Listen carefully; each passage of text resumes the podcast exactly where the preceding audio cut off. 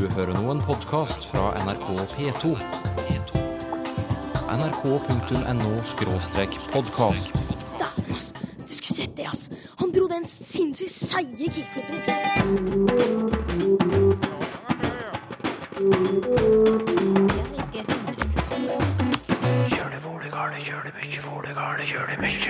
Språkteigen i dag byr på et gjenhør med saker fra året som har gått. Det blir litt harry, Det har hendt at jeg har vært nødt til å dra fram førerkort og bankkort for å bevise at jeg faktisk heter Harry. litt sært norsk slik som stengetidspørse. og litt prat om pupp. ja, pupper og språk. Vel møtt til Språkteigen.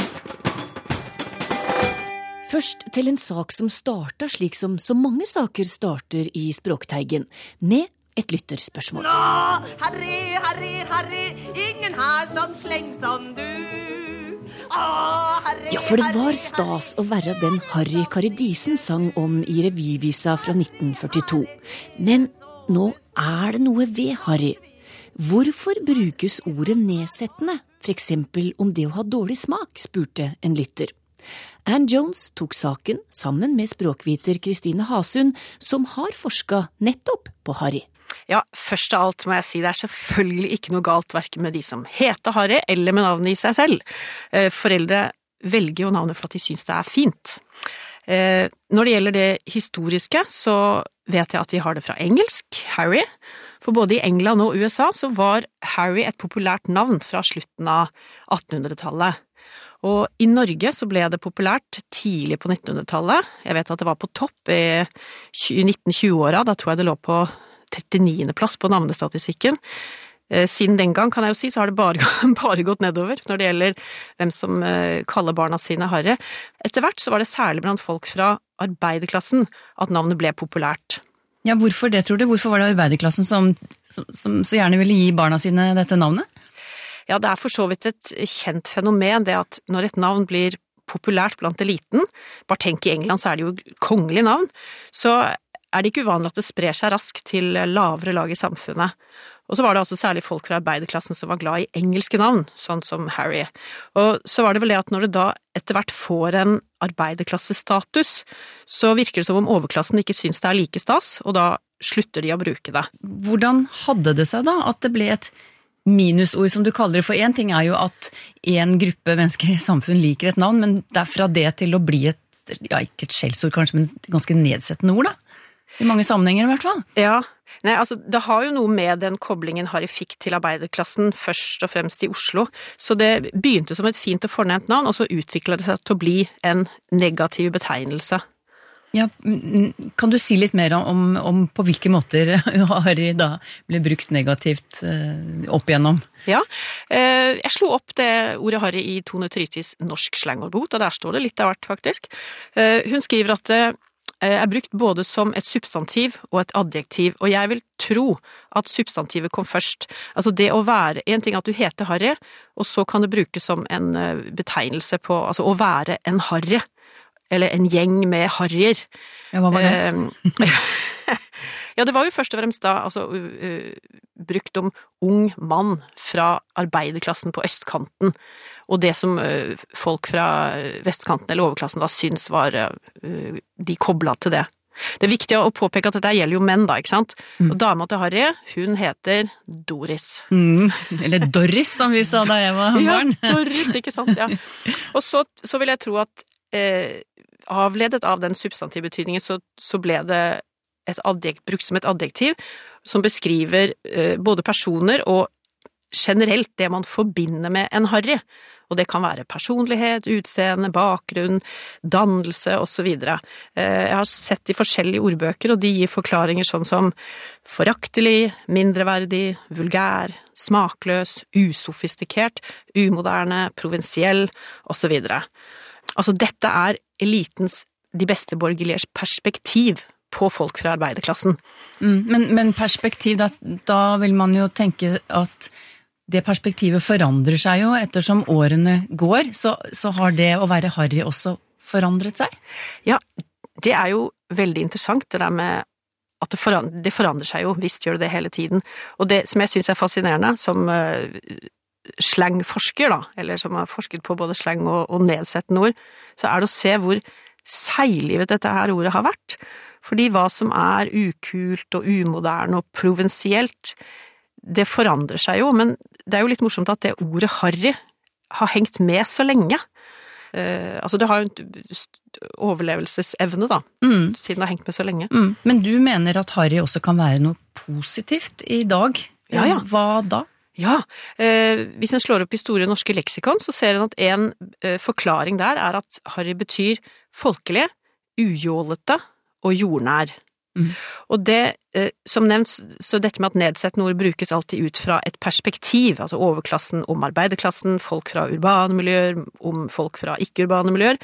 Em, de som da er folk flest, altså de som er harrier i noens øyne, de som bor på bygda, har lavere utdannelse, for eksempel, de kan bruke dette positivt om seg selv.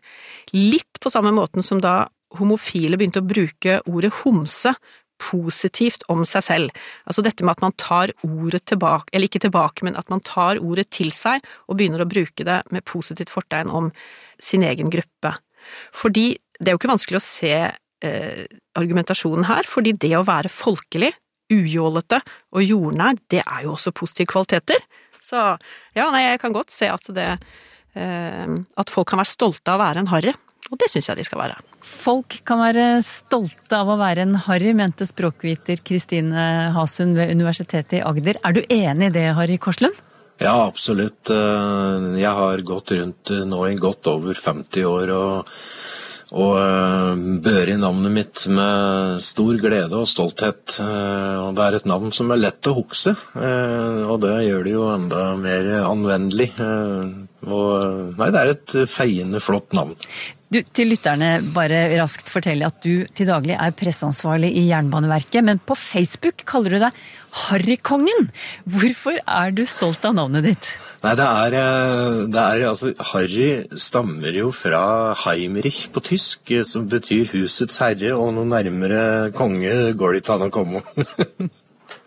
Hva synes du om at harry brukes negativt om folks stil og utseende og så videre? Jeg syns det sier eh, mer om eh, de folka som tyr til eh, den type negativ bruk av navnet Harry. Ja. Hva slags reaksjoner av negativ sort har du fått på, på navnet ditt? er i veldig liten grad negativt, og det tror jeg har noe med at folk som møter meg, de, de skjønner instinktivt at det har ingen vits å prøve seg engang, for de tar det ikke på alvor. Men det blir mer og mer eksklusivt. Nå er det rett i overkant av 1100 stykker som heter Harry her til lands, i henhold til Statistisk sentralbyrås navnestatistikk, eh, og det blir færre og færre av oss, og vi blir mer og mer eksklusive for hver dag som går, vi. Verneverdig og rødlista blir vi vel rett snart òg. Ah, Harry, Harry, Harry, han er Harry den. Ja, da kommer jeg.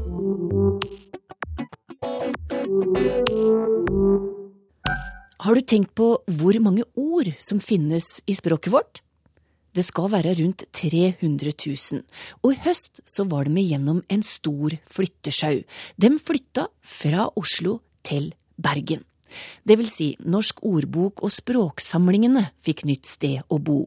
Over 70 tonn språkmateriale ble fysisk frakta over fjellet. Jeg utfordrer språkdirektøren til en ordduell. Jeg har Vossamål, og du har Jeg har Sandnesord. Sandnesord. TV-profil Linda Eide utfordra Språkrådets direktør Åse Vetås til ordduell. På dagen da tolvte og aller siste bind av Norsk ordbok ble lansert. Norsk ordbok av folket, om folket, for folket. Og det er denne samlinga som altså har flytta til Bergen. Det hadde vært utkjempa kamper før denne dagen i mars i år. For sluttføringa av Norsk ordbok sto i fare etter at Universitetet i Oslo i juni 2014 sa fra seg ansvaret for språksamlingene og for ordboka. Så på lanseringsdagen var jubelen stor, Jeg har fått overdose med lystgass. Jeg er veldig høyt oppe. sa redaktør Oddrun Grønvik. For språket er i endring, og ordbøker blir aldri ferdig. Applikasjon fins vel bare så vidt i bind én. Og app fins i hvert fall ikke. Så det er klart at her trengs det revisjon og oppdatering. Derfor må ordene ha et sted å bo og bli tatt ansvar for. Ja, ha ei oppdatert ordbok det krever at en eh, steller med den hele tida. Sa Språkrådets direktør på lanseringsdagen av siste bind i ordboka. Etter høylytte protester, kamper og ordskifter bestemte regjeringa til slutt at Universitetet i Bergen skulle overta ansvaret for ordene. Og da starta en omfattende flyttejobb, for det var ikke bare å flytte ordboka på nett til en ny harddisk. Det skulle òg flyttes en stor mengde papir. Språksamlingene er landets dokumentasjon av talemål og språk, og består av over 70 tonn papir. Deriblant et seddelarkiv med over 3 millioner oppføringer av ord, og 500 hyllemeter med bøker, permer og forskningsoppgaver. Med på flyttelasset til Bergen følger òg seks millioner kroner for å drifte samlinga, men det er allerede klart at det ikke vil være nok, for det er store oppgaver som venter. For eksempel så er bare en liten del av Norsk ordbok tilgjengelig på nett. Kun fra bokstaven I til Å. Ordene er iallfall på plass i Bergen. Og apropos ord, Eh, vanneri. Vannverk. Vanneri, vannverk! hvordan gikk duellen i starten her? Jeg tapte for språkdirektøren, men eh, jeg tar det med fatning. Den språkinteresserte Linda Eide får heller glede seg over at språksamlingene og Norsk ordbok nå altså er på plass i Bergen. Og det er du, Johan Myking, som har fått ansvaret for dem nå, som leder på Institutt for lingvistiske, litterære og estetiske studier. Og hvordan føles det å ha fått dette ansvaret? Det føles litt overveldende, men det er et stort eh, og prestisjefylt ansvar og et, ei viktig oppgave, så det er jo faktisk veldig positivt. Og selve logistikkoperasjonen har vel kanskje litt sånn militære dimensjoner. Eh, og bør ikke gjøres for ofte. Ja, hvordan har den jobben vært med å flytte dette fysisk over fjellet? Den har vært stor. Det tok vel 15 trailerlass. eh, Veldig mye nedpakking og sortering i Oslo, der en hadde hjelp av kollegaer i, ved Søsterinstituttet. Eh, To flyttebyrå, ett i Oslo og ett her, som skulle pakkes ut og inn i en gammel bilforretning med betonggulv, som en har vektmålt og som kan tåle belastninger. Og nå er det finsortering, eh, og så skal materialet da ut av huset og inn på, i andre deler av eh, biblioteksystemet i Bergen. Så jobben er jo på langt nær eh, over. Og så sier dere at språksamlinga skal nå bli åpen for alle. Hva legger dere i det? Først og fremst digitalisering. Det mest kjente ordboksverket som hører til samlingene, er jo selvsagt Norsk ordbok, som var avslutta i vår. Mm. Den er ikke fulldigitalisert. De første bokstavene i alfabetet mangler. Så det er ett stort prosjekt. Så det er én stor jobb som en må ha penger til, og som en må ha folk med seg på laget for å få gjennomført. Så har vi tilgang til den, den nasjonale basen over norske stadnavn. Og den har vi til nå snakka for lite om. Men den ligger der som ei uløst oppgave. Den er ikke godt nok eh, digitalisert med, med data som gjør at du, du kan navigere i, alle de ulike databasene som til sammen utgjør navnebasen. Så er det masse deler av materialet som handler om norsk talemål, dialektologi, språkhistorie, som særlig forskerne vil ha glede av. Og så har vi i Bergen fra før digitale ressurser som eh, kan supplere samlingene, og til sammen eh, faktisk gjøre dette her til en sentral for norsk språk eh, av dimensjoner som er, har vært ukjent fra før, men som kan tåle sammenlikning med internasjonale eh, paralleller. Ja, hvor viktig er det for språksamlinga vår at eh, noen tar tak i digitaliseringa? Jeg tror det er veldig viktig, for digitalisering er jo nøkkelordet i alt som eh, handler om å gi folk flest tilgang til forskningsmateriale, så ikke det støver ned. Det sa Johan Myking ved Universitetet i Bergen.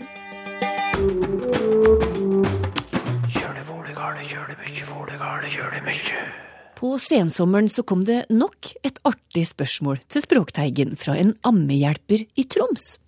Det var Sunniva Revhaug som jakta på dialektord. Hun hadde en idé om at kjennskap til ordenes opprinnelse kunne berolige fortvilte mødre. Sunniva er fra Kittdalen i Troms, men hjelper fortvilte mødre over hele landet. Organisasjonen Ammehjelpen hadde i fjor 23 000 henvendelser fra mødre som slet med puppen. Derfor så tror hun at det kan være nyttig å kjenne til ordene. I hvert fall for å vise og normalisere at det her er noe vi har holdt på med i, ja, siden urtiden, og at eh, det de opplever er helt normalt. Så i sin søken etter ro rundt mor ville hun utforske språket rundt puppen, som jo egentlig er den naturligste sak i verden. Vi er jo pattedyr. Har vi glemt det litt, tror du? Jeg tror det. De, de pattene har liksom blitt litt med mindre patting og mer til pynt, kanskje. Så første spørsmål til vår mann på saken, Tor Erik Gjenstad, ble Jeg lurer på hvor ordet pupp stammer fra. Jeg er redd jeg kan ikke gi noe godt svar på det. Eh, Det er ikke noen som har gjort det, så vidt jeg kan se, så en må rett og slett si at det er uvisst opphav. Men det er jo høyst sannsynlig at det skriver seg fra barnespråk, da. Kjært barn, eller i dette tilfellet en pupp som kanskje er mer til besvær. Men likevel, kjært barn har mange navn, har Sunniva merka seg. Dyer, dæt, deit, deta og deite. Kommer de fra Odie eller fra noe annet? Det her med dyer, det er vel eh, sørvestnorsk man sier. Og igjen, det òg har eh, uvisst opphav. Eh, Men det er kanskje sammenheng med det her ordet deie, eh, som betyr tjenestejente, og som vi har i f.eks. budeie, da. Også det der med dæt, eh, det er jo kjent i trøndersk. Og det er nok barnespråk for geit. Og akkurat hvorfor det het geit, er jeg ikke så helt sikker på. Så hjemme hos oss så gikk det i Bibin. Da skulle det bli Bibin. Og jeg vet det er sikkert masse mødre der ute som har, har barna som har laga egne ord for å få pupp. Dialektord for pupp er ofte det samme som spener på dyr, som eksempel Eh, Tappe er jo et slikt ord. Der jeg kommer fra på Nordmøre, der var det snakk om tatte. Altså ord knytta til den viktige funksjonen å gi barnet mat.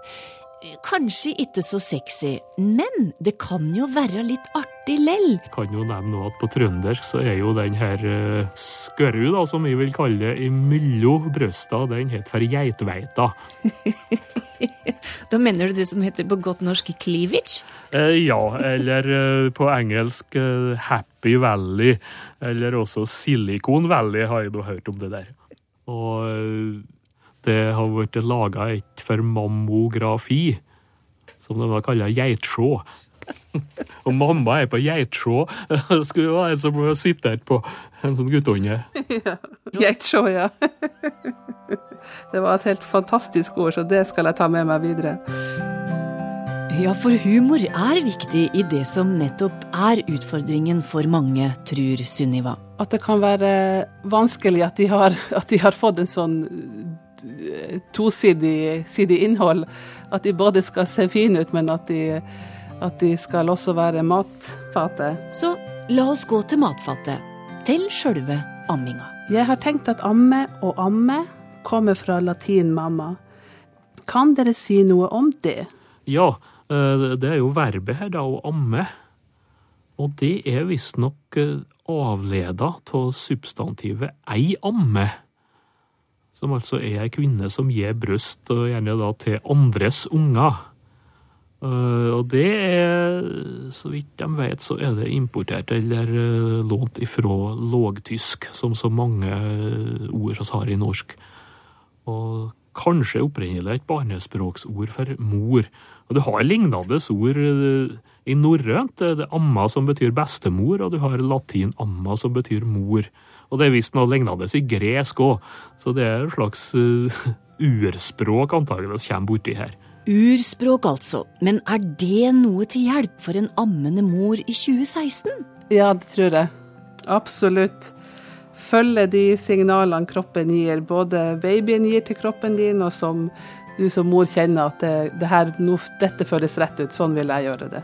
Og Sunniva sjøl lærte at hun som ammehjelper bor på den perfekte plassen. Det slo meg jo at jeg bor jo nå i Kittdalen, som kommer ifra Kittdalen, som da er kje, som jo er geit. Og det er jo da geitpuppe, puppedal, som jeg bor i. Så nå skal Sunniva reise ut og misjonere språk. ja. Pupper og språk. Ammehjelper Sunniva Revhaug ble glad for at hun bor nettopp der hun bor, og hun fikk svar fra Tor Erik Gjenstad.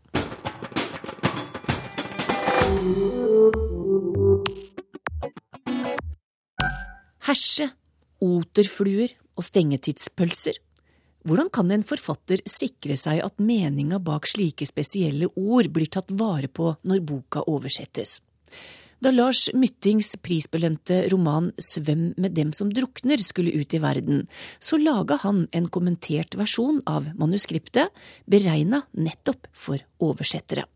Det er uvanlig at forfattere gir så detaljerte instruksjoner, og Anne Jones ville høre hvorfor.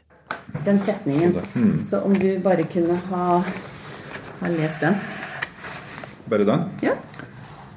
Folk vitser med at oss som bor her, skyter etter fiskebilen med krag og knyter i hop skora med nattfyllike fylliket som søv i noen i hesja. Og der har du i eh, dette manuskriptet som eh, du sender av gårde til oversetterne dine, har du kommentert to ord. Ja. Fiskebilen og, og hersene. Hvordan forklarer du de ordene for oversetterne? Nei, Det er jo en markør for å vise at vi er, er på bygda, på inn, i Innlandet i Norge, der vi ikke kan reise ut og fiske torsk sjøl. Så fiskebilen som da kommer fra Vestlandet, og ofte at den kommer til ujevne tider, er òg viktig å forklare. Så det står i kommentaren at dette er en bil som kommer sporadisk, og da kan komme på døra uventa. Uh, og, og, det er det som i sin tur forklarer det at de aggressive begynner da å skyte etter fiskebilen med krag. uh, noe de ikke ville gjort hvis det var en transport som de var vant til kom. da. Men Hesje, da? Hvordan forklarer du det i kommentaren din? Det er rett og slett og den tekniske forklaringa. At dette er omtrent som et gjerde av ståltråd som du reiser opp for å få bedre tørk på, på høyet. Uh, og, og, håpet er da at, den, at det finnes noe i det i mottakerspråket som, som, ligner det, og som kan gi det ekkoet av ei landsbygd prega av jordbruk, og der du tørker høy på, på gamlemåten. Mm. Uh, Paula Stevens, det er jo du som uh, oversetter boka til nederlandsk. Ja. Fiskebil og hesje', var det nytt for deg? eh, nei, det var det ikke. At man skjøt på dem, det var nytt for meg. Eh, men uh, nei, hesjer har vi faktisk, og vi har en fiskebil. Fiskebil, hva heter det på nederlandsk? Karfen fiskbord. Og hesje, da? Hesje Hoirauter. Ah, du, oterfluer. Ja. Det har du forklart. Hvorfor var det nødvendig? Det syns jeg er en av de tydeligste altså, markørene av innlandskulturen. Fordi at det er en fiskemåte som er nokså særegen. Det er det vi kaller matauk. Som er en mellomting mellom yrkesfiske og sportsfiske. For i sportsfiske skal, så gis jo fisken en god, en god sjanse. Men med oter så drar du ti eller tolv flugger etter vannet og har større sjanse for at det skal gå på. Og Det er forbudt i mange land. Så det er veldig få, få land da, som har noe innarbeidet begrep for det. Men det som er viktig å forklare da, er at det dreier seg ikke om det klassiske fluggefisket, der du står i litt pene klær med splitcainstong og kaster turflugge ut. Det er matauk. Så det er òg en sosial markør. Paula Stevens, har dere oterfiske i Nederland? Nei, det har vi definitivt ikke. Jeg har sjekket med flere fiskeklubber og venner som elsker å fiske. Så der taper man noe i oversettelsen. Det er helt klart. Hvordan, hvordan løser du dette med oterfiske, da? Ja, jeg har ikke brukt noe med fluer. For da vil folk i Nederland umiddelbart tenke på, på det med fluefiske. Så jeg har bare brukt krokene som ord. For da er det klart, når man fisker med krok, så er det matauk. Hva er det du er redd for kan skje med oversettelsen av boka di hvis du ikke forklarer alle disse ordene, uttrykkene og de andre tingene som, ja, som du har? Nei, jeg, den heller omvendt nesten. Altså, jeg har stor, stor tillit til, til, til oversetterne. Eh, og, og, og, jeg er ganske sikker på at uh, oversetterne ville funnet fram til det meste av det på egen hånd. Det er rett og slett mer for å eh, stille å være kompis og stille oversetterne mer fri til det viktigste, tror jeg. Nemlig å jobbe, kunne jobbe fritt med rytme, ordvalg og melodi i språket. Finne en egen musikalitet i, i, språket. Jeg skulle ønske at alle forfattere gjorde det. Det er helt fantastisk på forskjellige plan. For det første er det mange sånne ord som oterfluene du vil aldri finne på egen hånd. Eh, og selv om du finner bilder på Google, så er det veldig vanskelig å at du sier at dette er matauk og ikke sportsfiske, det er jo viktig å vite. Og så er det på det planet som du sier at, at du sier dette er viktig for meg, og dette er dette jeg vil få frem. Men, men det er klart det er valg der, fordi at jeg er òg redd for meg som å være masete og henge over skuldra, og, og ikke minst ødelegge det spennende arbeid ved å finne fram til eksakt den rette vendingen. Og, og, og, det interessante detektivarbeidet. Men jeg tror at det står at det står at så mye at eh, det ikke blir, det blir, blir ikke borte. Du blir ikke arbeidsløse? nei, nei, nei, nei, altså gjør nytte. ikke. jeg har aldri hatt så klart bilde etter disse, eh, den, den, versjonen med alle bemerkningene. Du vet hvordan det ser ut, hvordan det er. Og da er du mye friere. For du, du vet at kanskje det ikke er helt er rette ord, men det kommer nærmest. Ja. Og så er det også det at Og i annet fenomen, slike i ord, slik som stengetidspørse. Altså de pørsene som du får kjøpt til halv pris rett før kiosken stenger. Eh, det er jo noe som er funnet på for anledningen, og som bare er i muntlig uttrykk, men som er blitt med i, i boka. Og stengetidspørsa er jo en markør av et bygdesamfunn der du vet hvordan du skal ordne det. Mm. Har dere stengetidspølser i Nederland? Det har vi nå, for jeg har faktisk brukt det uttrykket. Og redaksjonen i forlaget syntes det var Ja, det var helt midt i blinken, så jeg fikk lov å tilføye et nytt ord til nederlandsk. da. Hva ble det, da? Å, uh, En gang til sluitingsteidsworst. Og det kanskje kommer til å havne i, i nederlandske ordbøker? Det håper jeg. Anne Jones hadde møtt forfatter Lars Mytting og oversetter Paula Stevens. Og i Språkteigen neste gang blir det et gjenhør med flere saker fra året som har gått. Ha ei fortsatt god jul.